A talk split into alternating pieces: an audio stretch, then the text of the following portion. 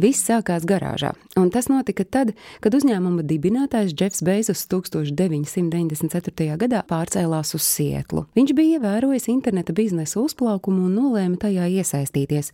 Tas arī sakrita ar laiku, kad ASV augstākā tiesa pieņēma lēmumu, ka pasta pasūtījumu katalogiem nav jāmaksā nodokļi štatos, kur tie neatrodas fiziski izlasījis ziņojumu par interneta nākotni, kas paredzēja tīmekļa komercijas izaugsmi 2300% gadā.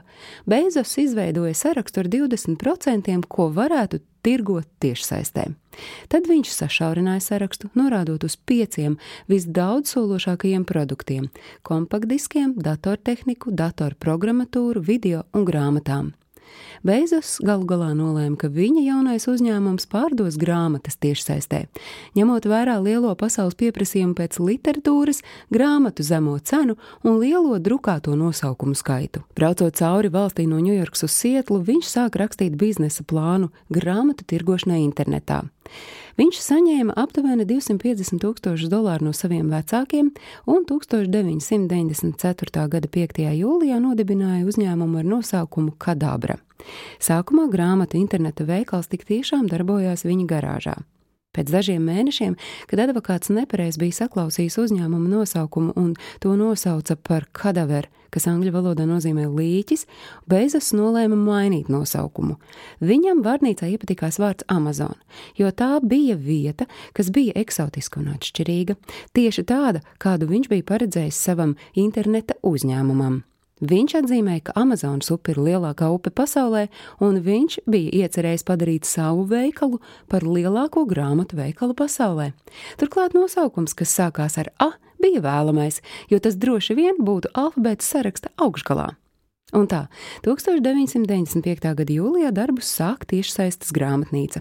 Amazon.com pirmā pārdotā grāmata bija gana specifiska par šķidruma jēdzieniem un radošajām analoģijām, ko sarakstījis Douglas Hofšters. Pirmajos divos darbības mēnešos Amazon pārdeva visos 50 štatos un vairāk nekā 45 valstīs pārdošanas apjomam sasniedzot 20 tūkstošus ASV dolāru nedēļā. Skaidrs, ka jo labāk Amazon klājās, jo vairāk kādam nepatika. Tā ASV lielākais grāmatu izdevējs Bārns Nabla 1997. gada 12. maijā iesūdzēja Amazon tiesā, apgalvojot, ka Amazon paziņojums, ka tā ir pasaules lielākā grāmatnīca, nav patiesa, jo tā nemaz nav grāmatnīca, tā ir grāmatu mākleris.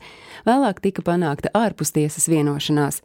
Vēl pēc gada, 1998. gada 16. oktobrī, amerikāņu mazumtirdzniecības tīkls Walmart iesūdzēja Amazon tiesā apgalvojot, ka viņi nozaguši viņu komercnoslēpumus, nolīgstot bijušos Walmart vadītājus. Lai gan strīds pēc 18 mēnešiem tika izšķirts bez tiesas, tas lika uzņēmumam ieviest iekšējos ierobežojumus. Tas bija laiks, kad arī tika radīts logotips, kas kalpo kā uzņēmuma atpazīstamības zīme, ar izliektu bultiņu, kas ved no A uz Z un norāda, ka uzņēmums piegādā visus produktus no A līdz Z, un bulta veidota kā smaids. 21. gadsimta sākumā eksplodēja dotcom burbulis, nogremdējot daudzus e-uzņēmumus, bet Amazon izdevās izdzīvot. 2000. gada sākumā tika paziņota taupības programma ar darbinieku skaita samazināšanu par 150, bet 2001. gada 4. ceturksnī Amazon pirmo reizi sāk strādāt ar peļņu. Bet 2018. gadā ASV interneta tirdzniecības giganta Amazon vadītājs Jeffs Bezos ierindojies žurnāla Forbes veidotā ikgadējā 400 ASV bagātāko cilvēku saraksta augšgalā.